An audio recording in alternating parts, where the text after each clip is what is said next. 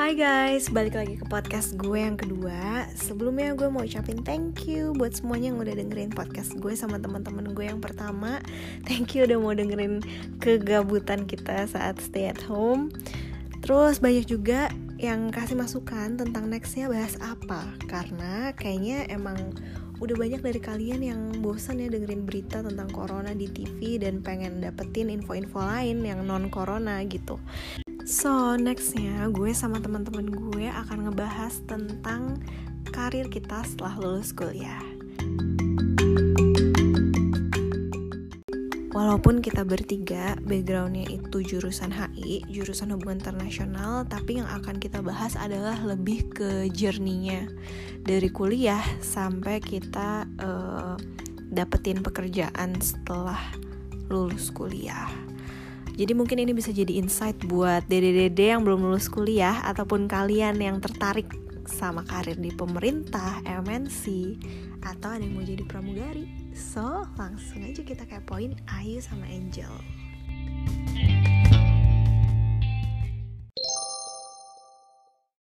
Jadi uh, di sini udah ada Angel sama Jupe atau Ayu. Hai. Jadi Jupe karena emang mirip banget mukanya sama almarhum Jupe. Bisa dilihat di Ya Instagramnya at Instagram Miss Jamal, Miss Jamal. double, double L. Miss Jamal. Jadi coba dong uh, introduction dulu dong dari mulai nama, umur, pekerjaan setelah lulus apa. Mulai dari Angel deh, Angel deh. Ya udah deh Angel deh, sesuai absen. Angel. Sesuai absen habis Angel Ayu. gue Angel, umur gue 24, dikit lagi 25. Pekerjaan gue, gue sekarang itu kerja di bidang hospitality, lebih tepatnya perhotelan uh, as a revenue manager. Oke. Jupe, kalau Jupe gimana? Hmm. Hai, nama gue Ayu Putriana Jamal.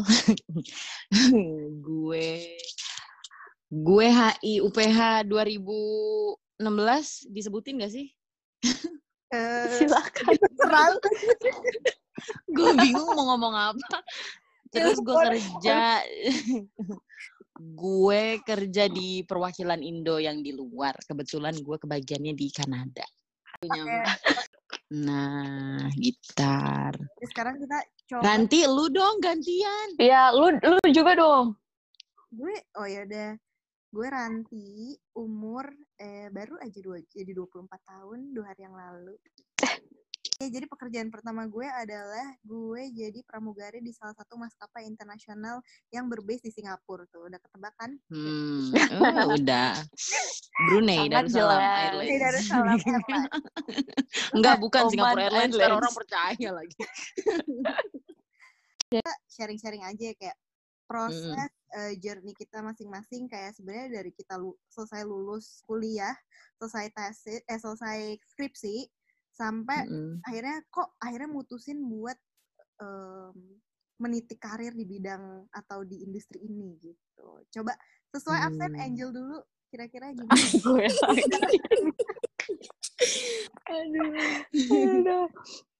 Kalau gue tuh, jadi gue kan abis banget kita skripsi itu, terus kita ada, jadi kalau di UPH itu kan kita tiga tahun kan, udah bisa lulus. Tapi waktu itu kebetulan eh, pemerintah masih nggak bisa kasih ijazah setelah kita tiga tahun eh, selesai skripsian itu. Jadi kan mesti nunggu. Nah, di masa nunggu itu sih sebenarnya gue ada internship dulu kan sebelum gue kerja. Jadi pertama itu kan gue itu abis kuliah, terus gue magang di UNDP. Hmm. Sekitar 6 sampai 8 bulan lah, gue lupa. Nah, jadi gue pertamanya tuh ngira, oh mungkin abis ini karir gue bakal berla- bakal berlanjut nih antara gue di NGO atau mungkin gue ke government atau ya nggak jauh-jauh lah pokoknya dari HI. Gue nggak mikir kalau misalkan gue bakal keluar dari eh industri itu gitu. Tapi abis gue selesai internship, gue apply apply gak diterima-terima coy di mana-mana. Jadi gue tuh apply-nya cuma ke oh gue waktu itu sempat apply ke KPK di KPK itu gue uh, lolos berapa tahap, tapi akhirnya nggak lolos. Abis itu gue apply di mana lagi ya? Kayak semua bidang. Oh, di consulting firm juga gue apply di Big Five. Tapi ini bego sih. Gue udah interview kan sebenarnya sampai tahap terakhir. Pas tahap terakhir gue putus ya, gue bucin terus gue nggak ngelanjutin interview. nah waktu itu tuh di LinkedIn gue nemu salah satu online travel agent. Dia buka uh, apa tuh? Dia buka lowongan kan. Hmm. ya udah gue coba-coba gue apply. Nah pas gue datang di online travel agent ini uh, gue kan kayak apa ya kayak dibikin jadi forum group discussion gitu kan. Jadi gue tuh ada beberapa orang di situ. Nah itu ngerasa kayak saingan gue tuh kompeten banget gitu loh. Gue sampai mikir kayak kayak gue nggak bakal dapet deh ini. Karena gue ngerasa tuh kayak mereka tuh punya skill ada. Terus mereka juga semua dari anak-anak hotel biasanya. Hmm. kayak mereka punya sesuatu yang gue nggak punya gitu.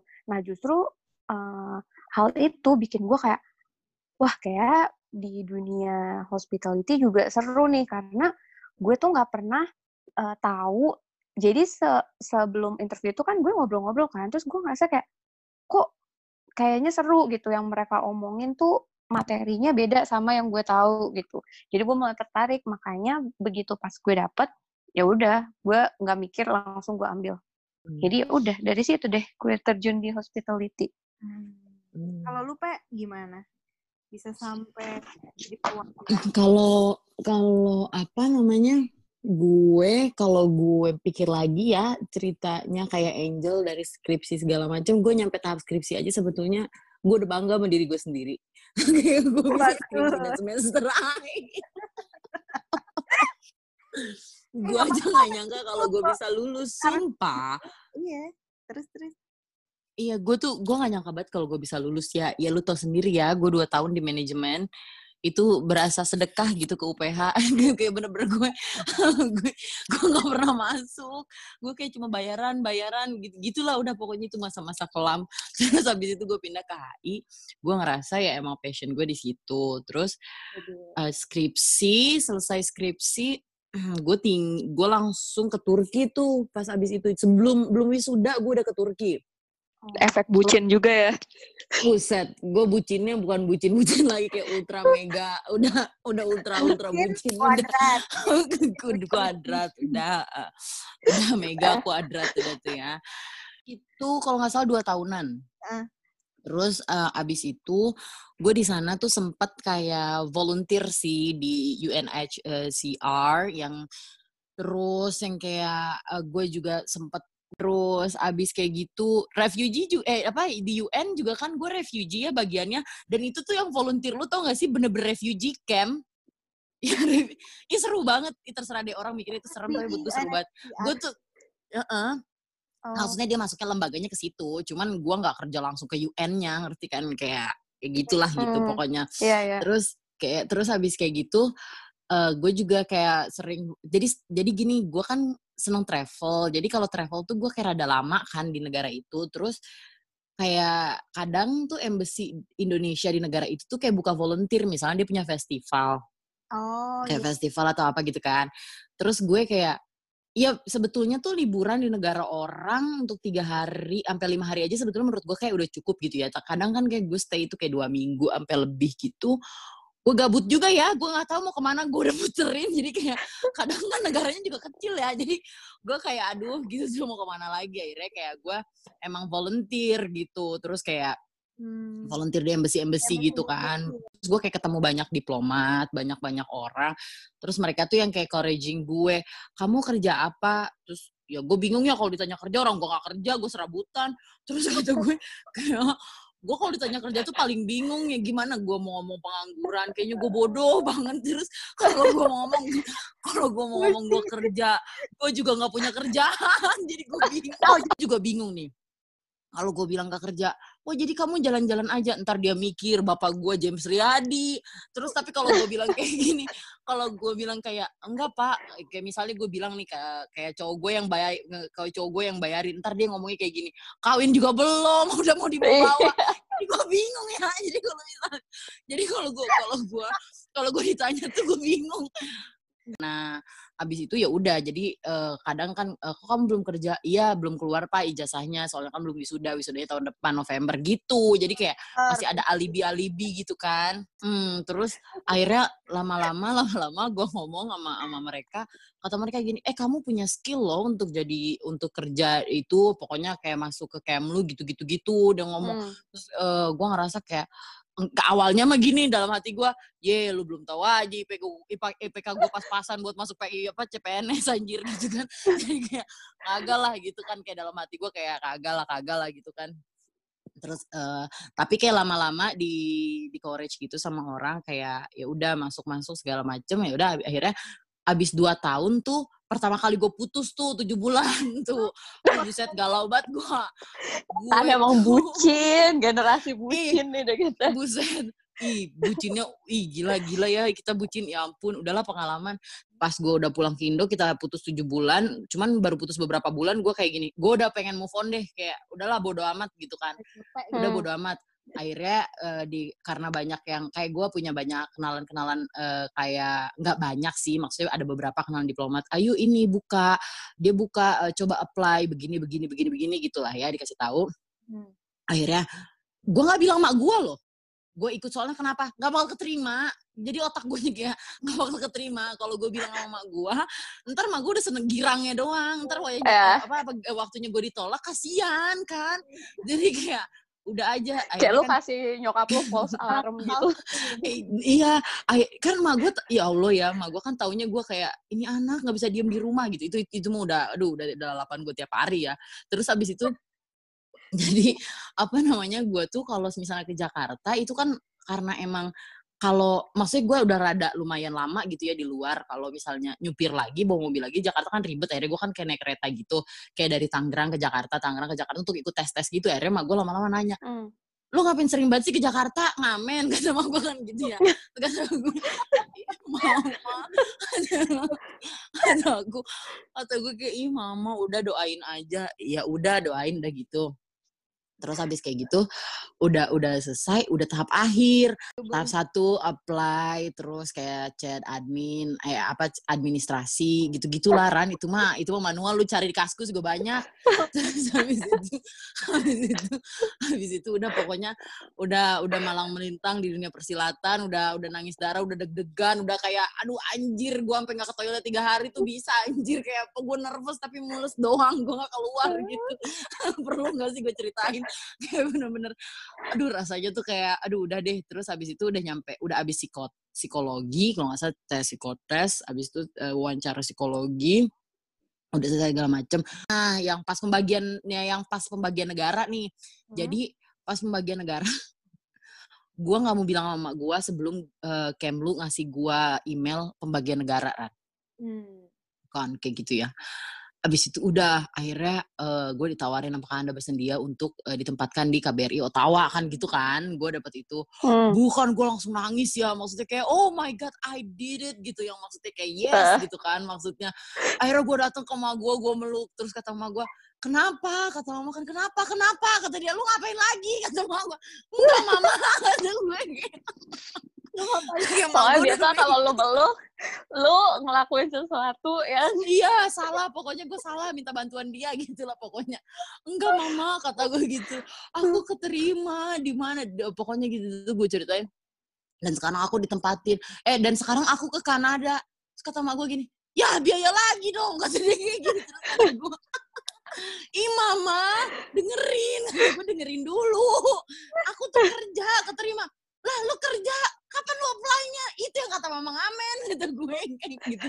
Ayo, Ran, udah kan gue tinggalnya di kampung ya sama gue. Hmm, hmm, cuma nggak dimasukin toa speaker doang. Gitu gue. Abis eh, itu, Pe, tapi iya. kalau kita nggak nggak bucin saat itu, lu gak bakal ada di situ, gue juga gak bakal ada di sini ya gak sih? Berarti lu ada Kan. manfaatnya juga lu bucin waktu kema- waktu kemarin. Udah gue move on, udah udah udah udah kayak udahan deh, udahan deh, udahan ribet ribet gue empat tahun jadi bucin, udah, udah ribet, pala gue puyeng gitu kan. udah cukup cukup cukup. iya lu gila. Terus habis itu udah nyampe sini adaptasi sih kayak lumayan. Tapi cuman kayak maksudnya atasan gue tuh enak, lu- alhamdulillah gitu kayak Pak Dubesnya tuh yang kayak enak banget lah pokoknya gitu yang yang nggak nggak kaku gitu loh. Oke, eh next cerita tentang Angel. struggle di dunia kerja. Cie. Lu gak, lu gak cerita sih, lu pertama gimana? Oh iya, Ya lu, lu pertama gimana? Kan yang gue tahu lu datang walking interview kan? ya, jadi eh, kalau gue sebenarnya ceritanya adalah waktu itu gue bener-bener baru banget selesai ngerjain skripsi kalau nggak salah. Kayak baru selesai sidang. Terus eh, di minggu pas gue selesai sidang itu, gue tuh dapat email dari Karir Center UPH. Katanya ada nih walk-in interview buat maskapai S bintang gitu kan, yang di, ada di UPH. Tapi waktu Hmm. itu kayak gue nggak terlalu ngeliatin banget, kayak oh ya udahlah gitu, kayak gue juga nggak kepengen kan sebenarnya jadi pramugari. Terus gak lama kemudian pas hari itu tuh kalau nggak salah interviewnya itu hari Sabtu dan which is eh, terakhir daftar tuh kalau nggak salah hari Kamis atau hari Jumat gitu gue lupa. Pokoknya yang gue inget adalah eh, gue tuh daftar setelah waktu pendaftarannya tuh lewat. Jadi misalnya waktu terakhir pendaftar pendaftaran tuh jam 12 siang. Mm. Aku baru kepikiran, ah gue pengen coba deh kayaknya. Itu tuh pas udah jam 4 sore. Jadi kayak udah lewat gitu loh. Jadi mau nggak mau kayak gue langsung OTW ke kampus, kayak gue langsung datengin Career Center UPH, gue inget banget di gedung A. Terus gue nanya langsung sama mereka, eh Kak, ini udah tutup kayak gue masih bisa daftar nggak sih gitu loh. Terus akhirnya sama Terus? Karena dia baik banget terus oh ya udah boleh boleh dia bilang kayak gitu. Akhirnya gue daftar. Nah besoknya baru gue ke sana gue dateng kan. Terus kayak adalah sekitar 30 orang gitu. Terus akhirnya ya udah deh gue ikut eh, apa namanya pertama kan ditinggi diukur dulu kan tinggi sama berat badan. Terus itu tahap satu tuh lolos habis udah kayak gitu. Tahap dua kita tuh ada kayak mass introduction gitu. Jadi per 10 10 orang kita kayak disuruh kayak perkenalin diri masing-masing sih sebenarnya cuman kayak gitu doang nah itu Hmm. itu gue ikut tahap 1 sama 2 tuh di UPH. Nah, next round-nya baru gue pergi ke Wisma BCA buat eh, nyelesain tahap 4 sama 5 gitu. Tahap 4 sama 5 ya gitu sih, tes Inggris, terus kayak manajemen round, dicek skin check gitu. Terus dari Tinggi sama berat badan pasti ya kalau di Asia mah ya. tinggi kayaknya semua maskapai harus cek tinggi berat badan deh. Kayaknya itu Tapi first- gua naik naik Air Kanada gede-gede banget ya pramugarinya. itu Beda coy. Apalagi Kayaknya British Airways.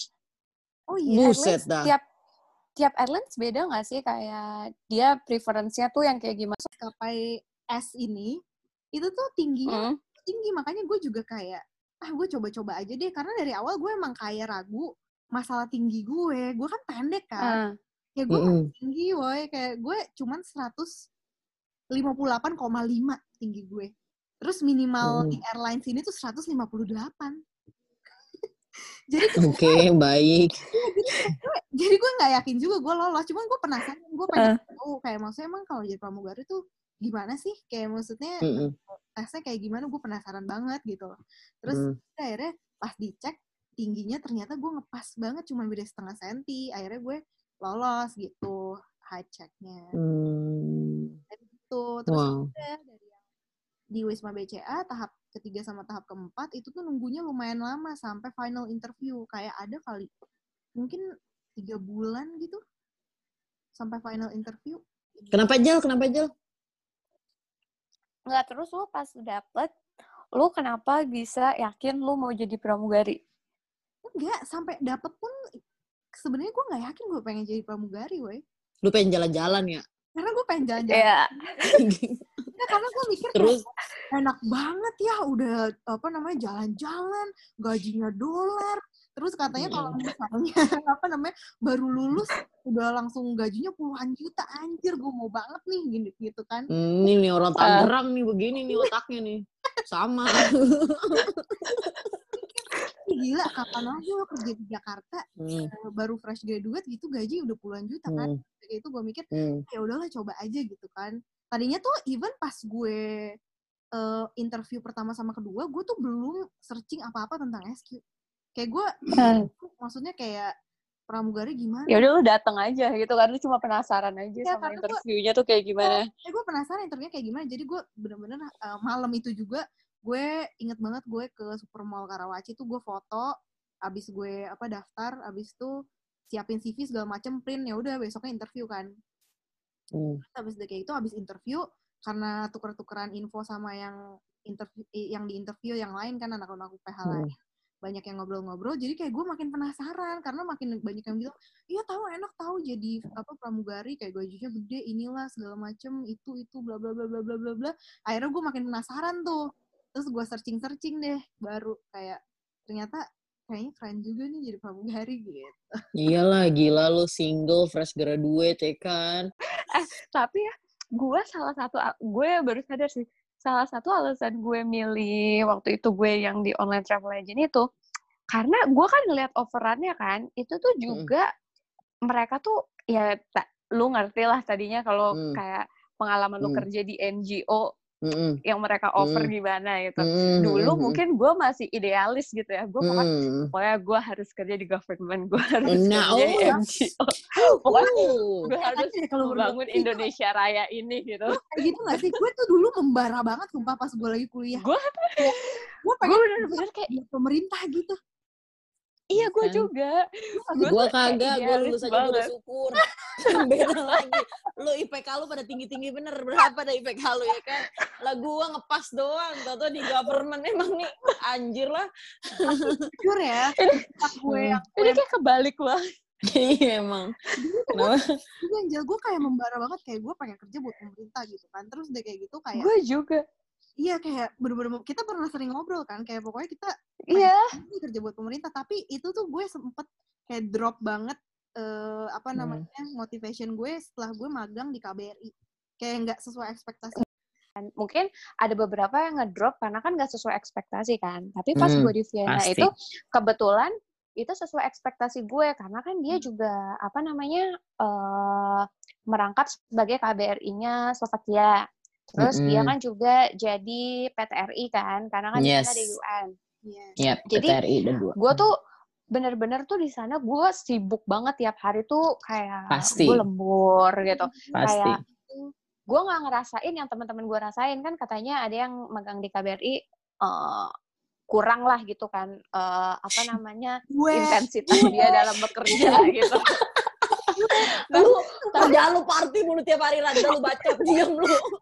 Gue gak bakal jadi diplomat tapi ini tidak mematahkan semangat gue gue harus bekerja Hmm. di pemerintahan lain ataupun di NGO yang bisa membangun Indonesia Raya ini dan negara ini gue Oh my God, Indonesia must be so proud of you, Angel. I'm so proud of you, girl. Yeah, go, girl. jadi begitu gue ngeliat apa namanya di bidang hospitality gue minat banget terus gue ngeliat offerannya gede terus gue ngerasa kayak anjir fresh graduate mana yang bisa di offer segini gitu karena menurut gue dari semua yang gue udah laluin ini tuh offer yang paling paling paling tinggi gitu habis gue Mm-mm. terima tiga bulan setelahnya gue dapet call dari eh, UNODC Hmm. Nah, gue ditawarin, gue di offer, lo mau nggak balik ke sini? Jadi staffnya UNODC. Hmm. Gue gue mikir kan, ini gue harus idealis atau gue harus realis ya? Dari gue magang, dari gue skripsian, itu kan gue udah tertarik banget sama UNODC, kan lu tahu kan, Ran? Nah, terus gue mikir kan, apa gue tetap idealis, gue tetap milih UN, atau gue harus realistis, karena di sini gue bisa hidup gitu. Ini gimana ya? Ya udahlah, akhirnya gue memilih untuk menjadi realistis seperti Ranti. Gue Iyalah. Kenapa? Enggak, gue motong lu. Lu masih mau itu kan cerita? Enggak. Enggak. Aduh, awkward kan jadinya kampret si Ayu. Aduh. Nah, nanti di-cut kok sama Ranti. Iya, thank you Ran. Ran, lu jadi jadi itu apa namanya pramugari gimana Ran? Yang kan yang enaknya kita udah semua udah tahu lah ya, gajinya gede, keliling dunia, terus yang kayak kayak kayak cantik lah, ngerti nggak lu? Jadi kayak anak muda uh, keliling dunia pakai uang sendiri dengan fasilitas fasilitas bintang lima gitu kan. Maksudnya kayak Sosi, jadi ya sosialita. iya, Yes, exactly. gitu Iya bener-bener. Nah, gue pengen nanya eh, struggle-nya kurang lebih gue udah tahu. Kalau untuk jam tidur ya, lu lu nggak mungkin bisa jam tidur lu normal kayak kita kan. Cuman maksud gue di, di dalam dunia pekerjaan kan sependengaran. Ya lu nggak usah jawab eh, ini ya. Lu nggak usah jawab eh, maksudnya terlalu eksplisit gitu. Kalau misalnya gue dengar kalau di Western country itu enggak senioritas. Tapi gue dengar dari Asian country itu dia lebih senioritas. Gue nggak tahu ya, eh, kayak maksudnya correct me if I'm wrong gitu. Terus, nah kalau lu sendiri, lu ngalamin nggak? senioritas Mm-mm. Hmm. ngalamin lah. itu mah pasti Pasti ya Ran ya? pasti kayaknya ya Oh. ya gue nggak tahu ya kalau misalnya di Mm-mm. LS yang yang barat gitu emang nggak ada senioritas cuman kayaknya pasti kalau Asia tuh ada deh dan yang paling Oh. lumayan kenceng yang lu- paling lumayan kayak terkenal senioritasnya kan ya airline yang gue di sini ini Iya, iya ibaratnya kan itu itu udah udah terkenal banget gitu ya Ran. Maksudnya Iya, sampai gue gue juga denger gitu yang orang Ada, awam gitu. dan Heeh. itu bener-bener berasa banget ketika lu tuh masih namanya probation jadi enam bulan di awal karena ketika lu masih probation di list nama lu tuh ditandain kayak nih anak masih probation nih kayak gitu jadi kayak satu flight tuh tahu lu masih probation Lu otomatis juga ngalamin kan kalau ada anak yang baru masuk probation, iya kayak lu yang jadi ya Iya. terus lu lu balas balas melototin mereka enggak? ya lu balas gak? Ah, dia nggak bilang apalagi. kayak gitu soalnya ini kan direkam deh.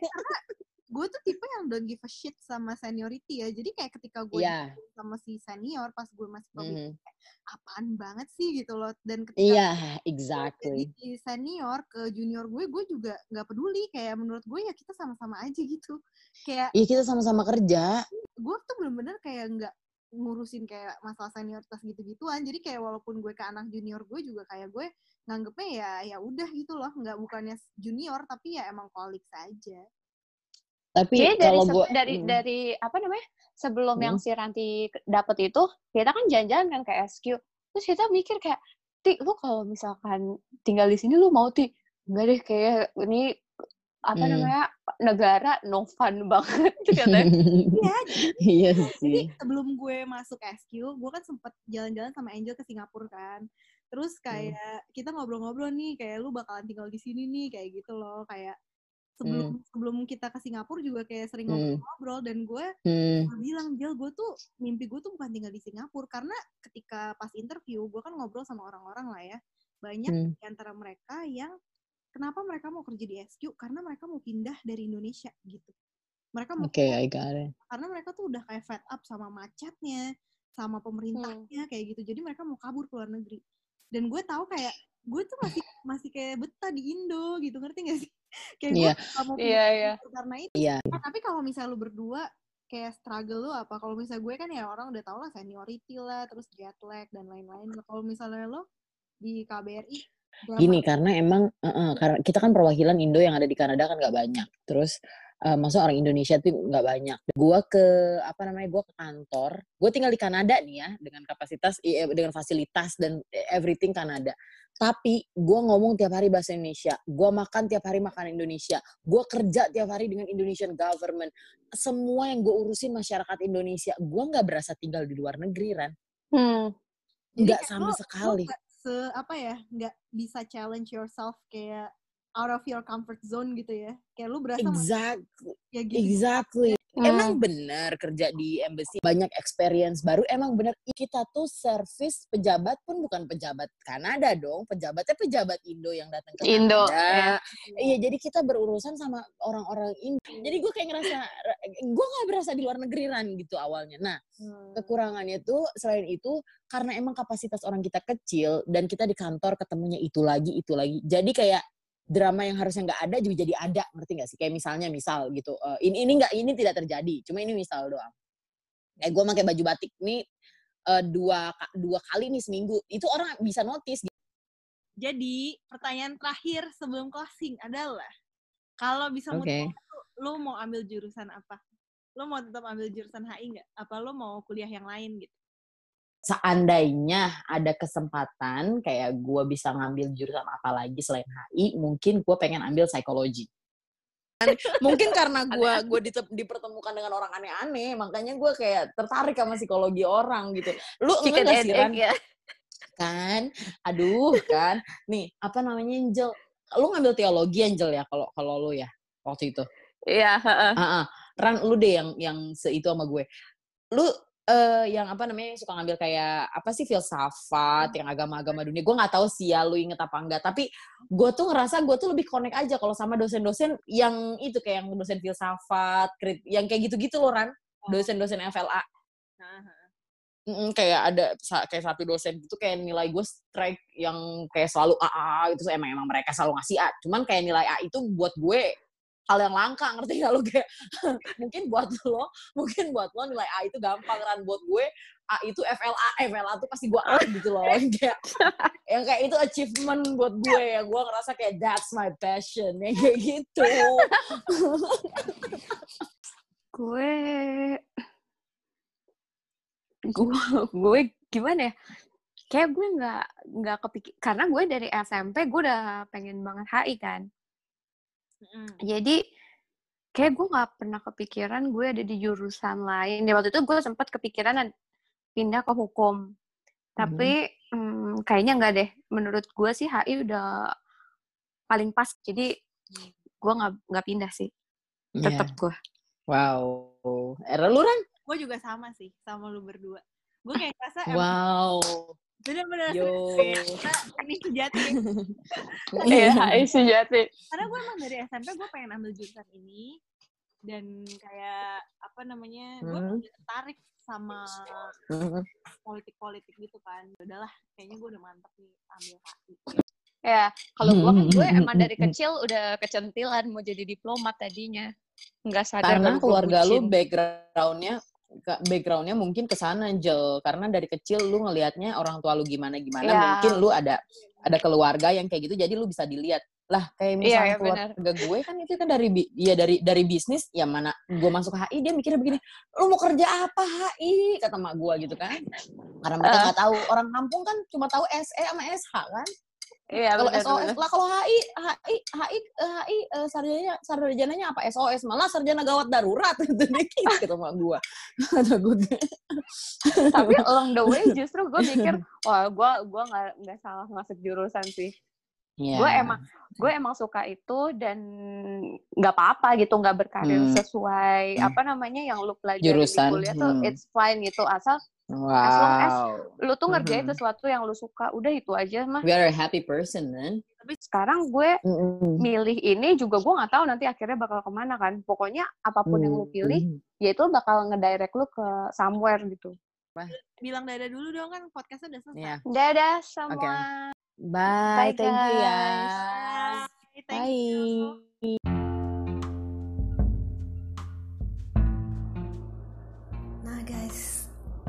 This is the end of the podcast. Thank you for listening. Semoga kalian dapat informasi-informasi baru setelah kita sharing tentang uh, journey kita setelah lulus kuliah. Uh, kita ber bertiga berkesimpulan kalau uh, you should never regret anything in your life. If we were to reverse any of it, we wouldn't be the person we are now. So just trust that everything happens for a reason. And give your best